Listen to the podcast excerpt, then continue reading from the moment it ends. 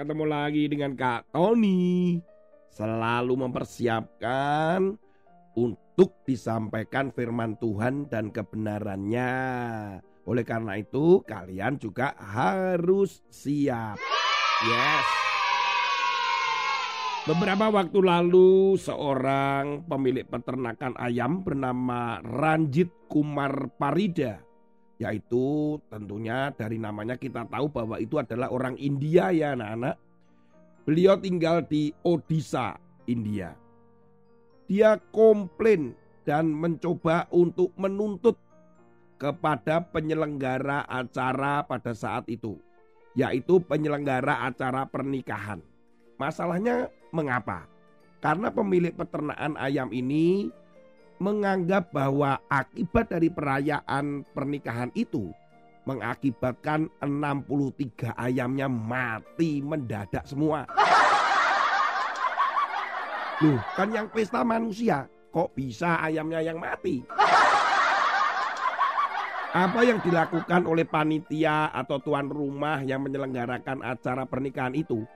Ternyata mereka mengadakan arakan-arakan yang berupa marching band.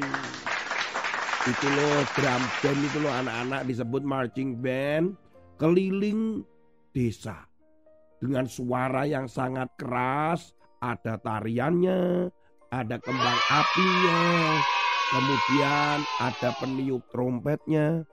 Nah, saat melewati peternakan ayam itu, si pemilik bernama Ranjit Kumar Parida sudah mengingatkan untuk membuat suaranya jangan keras-keras. Tapi para pemain drum band atau marching band cuek aja, cecep aja dia dengan suara keras. Eh, tiba-tiba ketika pemilik peternakan ayam menoleh ke belakang, ayamnya pada mati semua. Suara yang keras itu ternyata membuat para ayam-ayam itu mengalami sakit jantung. Hal itu dibenarkan oleh guru besar ilmu hewan Suryakanta Misra. Dia mengatakan bahwa suara yang volume tinggi itu bisa meningkatkan resiko penyakit jantung pada burung atau unggas. Terutama pada ayam. Karena ayam itu ternyata ritme sirkadian yang dikendalikan siklus terang atau gelap seperti siang dan malam gembira atau stres itu apabila berubah dengan cara mendadak itu bisa mengganggu jantungnya. Jadi memang setelah dilaporkan kepada polisi, setelah juga dilakukan penyelidikan, akhirnya pihak kepolisian menyarankan agar penyelenggara pernikahan itu berdamai dengan pemilik peternakan ayam boro-boro berdamai. Ternyata mereka mau bertengkar gara-gara minta ayam yang 63 itu diganti. Bukan dibangkitkan lagi loh anak-anak. Ya maksudnya dikembalikan, dibelikan gitu loh. Gara-gara suara yang keras ternyata membuat sakit jantung ayam dan mati. Firman Tuhan hari ini kita belajar dari Amsal pasal 21 sampai 20 Orang yang bijak hati disebut berpengertian dan berbicara manis lebih dapat meyakinkan. Akal budi adalah sumber kehidupan bagi yang mempunyainya, tetapi siksaan bagi orang bodoh ialah kebodohannya.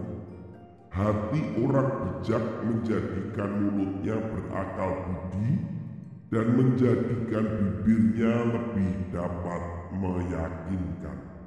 Perkataan yang menyenangkan adalah seperti sarang madu manis bagi hati dan obat bagi tulang-tulang. Jadi anak-anak, ayat ini mengatakan bahwa apabila di dalam hati kita itu dipenuhi oleh hikmat, karena hikmat selalu terkait dengan orang yang bijak. Maka yang keluar dari hati itu adalah bibir atau perkataan yang manis. Ada dua hal perkataan yang satu adalah perkataan yang meyakinkan. Artinya apa? Artinya perkataan yang bisa dipercaya. Yang kedua adalah perkataan yang menyenangkan.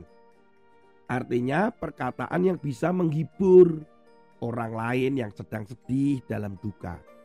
Ada dua loh anak-anak apa? Yang pertama adalah yang meyakinkan.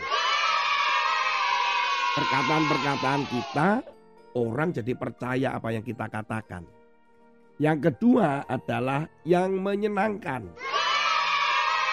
Artinya perkataan yang menghibur, perkataan yang membuat orang sukacita, tersenyum dan senang.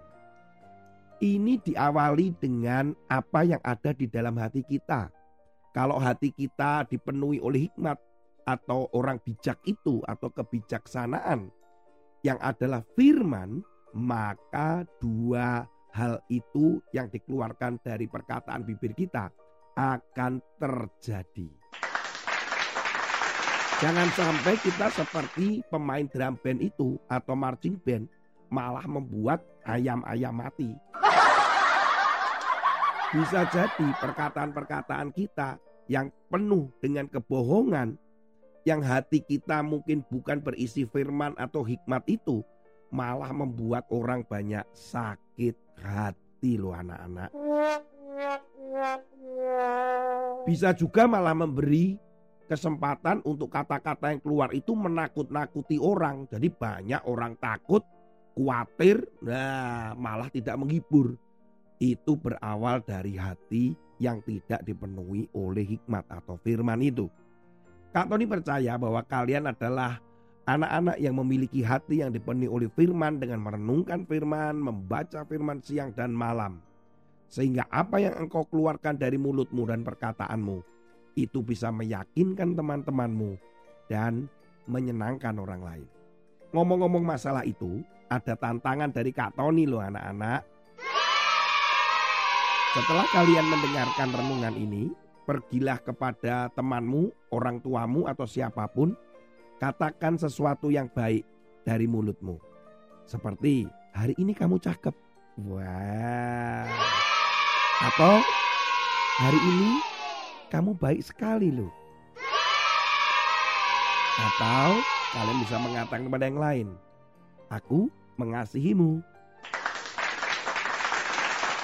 Ada banyak perkataan-perkataan yang bisa kita keluarkan yang itu adalah baik, membangun, meyakinkan, dan menyenangkan asalkan hatimu dipenuhi oleh firman.